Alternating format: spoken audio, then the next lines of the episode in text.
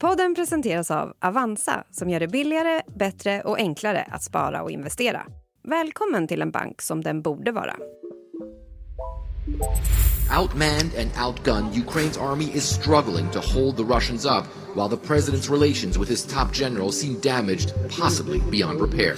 Det pågår en infekterad konflikt högst upp i Ukrainas maktelit. Right now it's absolutely unclear what Vladimir Zelensky is going to do. Och president Zelensky talar nu öppet om att han vill sparka sin egen försvarschef. Zelensky medger nu att han planerar att byta ut landets högsta militära ledning. På en kvart får du veta vad den här konflikten egentligen handlar om och hur den interna maktkampen kan påverka kriget.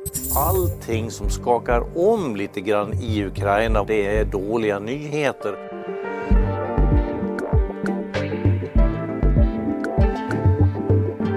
Det är den 6 februari. Det här är Dagens Story från Svenska Dagbladet. Med mig, Alexandra Karlsson. Ska vi köra, Therese? kan vi göra. Gäst idag, Therese Larsson Hultin. Utrikesanalytiker på SvD. Du, Therese, det stormar ju just nu i Ukrainas högsta ledning. Exakt hur stormigt är det? Jag skulle säga att det är väldigt stormigt. Det senaste så är ju att Zelensky, presidenten i Ukraina, har varit ute i en intervju med italienska RAI och sagt att han kommer att byta ut stora delar av ledningen, inte bara militärt utan även liksom politiska ledningen, för att det behövs någon form av nystart.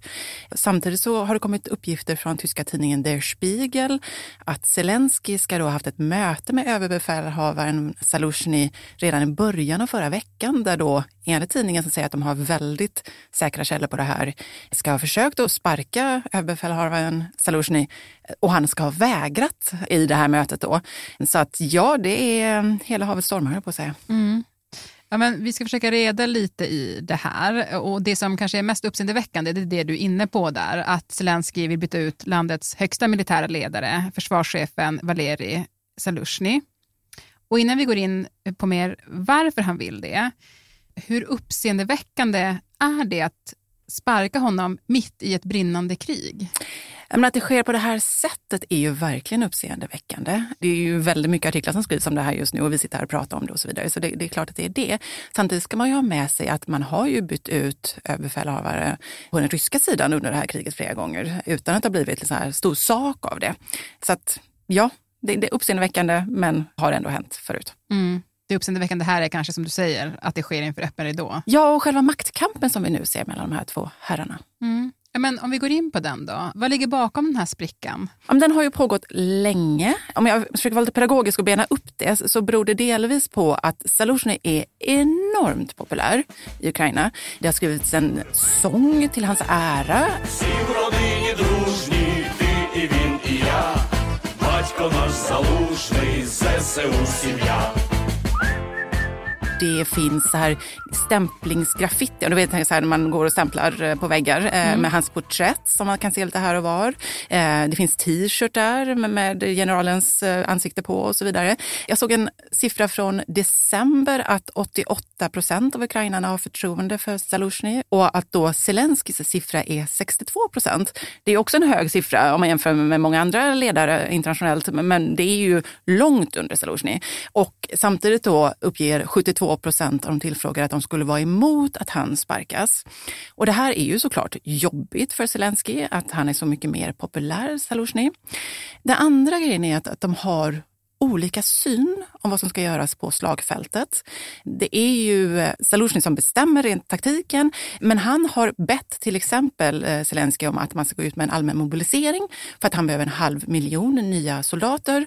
Och där sa Zelensky på en presskonferens i december att ja, jag behöver bättre argument liksom, för att kunna genomföra en sådan, för att det skulle vara så impopulärt. Mm. Man ska ju ha med sig att de flesta ukrainare som vill strida är väl rimligen redan ute i kriget nu och de som inte är på slagfältet har ingen större lust att vara det heller.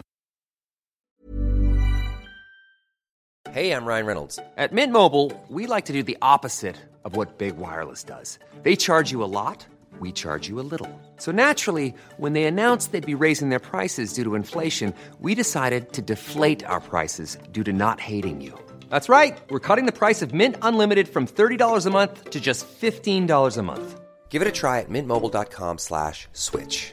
$45 upfront for three months plus taxes and fees. Promo rate for new customers for limited time. Unlimited more than 40 gigabytes per month. Slows. Full terms at mintmobile.com. Och att de har så olika syn blev ju också väldigt tydligt i ett uttalande som Salushny gjorde som blev enormt uppmärksammat. Ja, men det var ju den här artikeln och också intervjun med den brittiska tidningen The Economist som han gjorde i höstas. Då han då pratade egentligen var första gången som någon sa det offentligt, att, att det var ett dödläge på slagfältet. Speaking to The Economist, he said the current situation has reached a stalemate. There will most likely be no deep and beautiful breakthrough. Och att då liksom Ryssland har överläge. Det tolkades ju som att han sa att Ukraina inte kan vinna. Det var inte exakt det han sa, men det var så det tolkades. Och det här var då inte sanktionerat hos Zelensky och det såg som ett knivhugg i ryggen i eh, presidentpalatset. Och Zelensky sa efter den intervjun att det finns inte utrymme i krig för att ha en, en nummer två, en nummer tre och en nummer fyra, utan det finns bara en nummer ett det vill säga han själv. Och sen så den fjärde grejen är ju också det här med att han då är så populär. Det har ju ryktats om att tänk om Salushny skulle vilja ge sig in i politiken och att det då skulle vara en fara för Zelenskyj och det vill han då heller inte. Mm, Okej, okay. för annars kan man ju tänka sig att eh, som president att man vore glad om man har en, en högsta befälhavare som är så populär, tänker jag, och har så stort förtroende bland sina soldater och folket. Snarare än att man skulle tycka att det var ett problem. Absolut, så, så kan man ju absolut se på saken. Men då är det ju vi är tillbaka till det här med att tänk om Salushny skulle vilja utmana Zelensky politiskt. Salushny själv har varken sagt bu eller bä. Och det skulle ju egentligen ha varit presidentval i Ukraina nu senast i mars enligt konstitutionen. Men de har ju valt att inte hålla det eftersom man befinner sig mitt i ett krig och det är inte läge för att ha ett val just nu. Men det är ju ändå en fara för Zelensky så att säga, att då ha någon, eller man kan se det så, att ha någon som är så otroligt mycket mer populär än en själv. Och man ska också ha med sig att Zelensky innan kriget bröt ut var en ganska kontroversiell president. Alltså han är ju den här skådespelaren som vi alla har hört om som gick till val på att bekämpa korruptionen. Något som han började göra men det gick inte jättebra. Alltså hans popularitetssiffror var inte toppen innan kriget. Och sen så blev han ju omåttligt populär när väl kriget bröt ut. Vi har ju alla hört det här citatet om att jag behöver inte hjälp att ta mig härifrån, jag behöver liksom ammunition. Zelensky catapulted into the hearts and minds with a simple quote, I need ammunition. Not a ride. It will become the legacy statement of this conflict. Mm. Eh, och Zelensky blev ju en oerhört viktig symbol som stannade kvar i Kiev, som gjorde liksom egentligen alla, allt rätt kommunikationsmässigt. Han hade oerhört hög popularitet väldigt länge, men två år av krig som det varit snart nu, det är lång tid. Och det är ju inte konstigt om hans popularitet har fallit under den här tiden. Nej. Vi spelar in den här podden på måndag och än så länge har ju försvarschefen inte gått. Men är det en tidsfråga? Det verkar ju så. Det är ju inte bra att Zelensky är tydligt ute och pratar om att han ska byta ut liksom ledningen. Och de här skriverierna skadar ju Ukraina, spekulationerna. Det är ju inte bra om det blir en maktkamp som blir offentlig, som tar, liksom dels tar energi från det som behöver göras, det vill säga bekämpa Ryssland. Och det handlar ju om att liksom hålla landet enigt och just det har ju ukrainarna varit väldigt duktiga på hittills, att visa en enad front utåt. Precis, det är kanske den som krackelerar lite nu då. Vilka talas det då om som möjliga kandidater att ersätta honom? Ja, men det är två namn framförallt som kommer upp. Det är liksom arméchefen Alexander Sirski som bland annat var den som ledde försvaret av Kiev i början.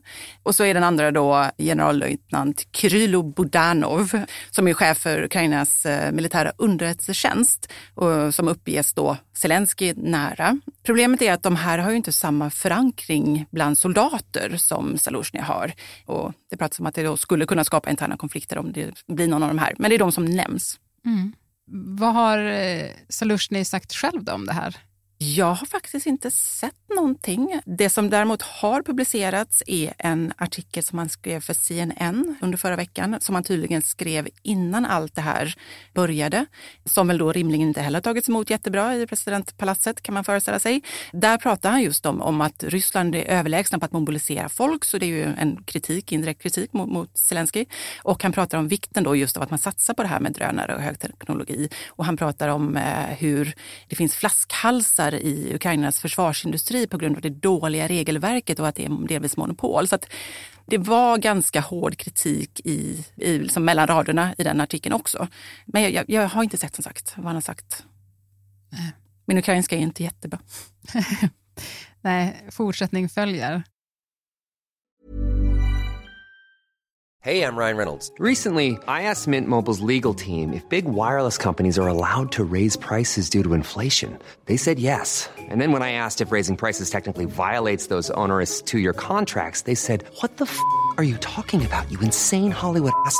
So to recap, we're cutting the price of Mint Unlimited from $30 a month to just $15 a month. Give it a try at mintmobile.com slash switch. $45 upfront for three months plus taxes and fees. Promo for new customers for limited time. Unlimited more than 40 gigabytes per month. Slows. Full terms at mintmobile.com. Du, Therese, kriget i Ukraina har ju snart pågått i två år. Mm.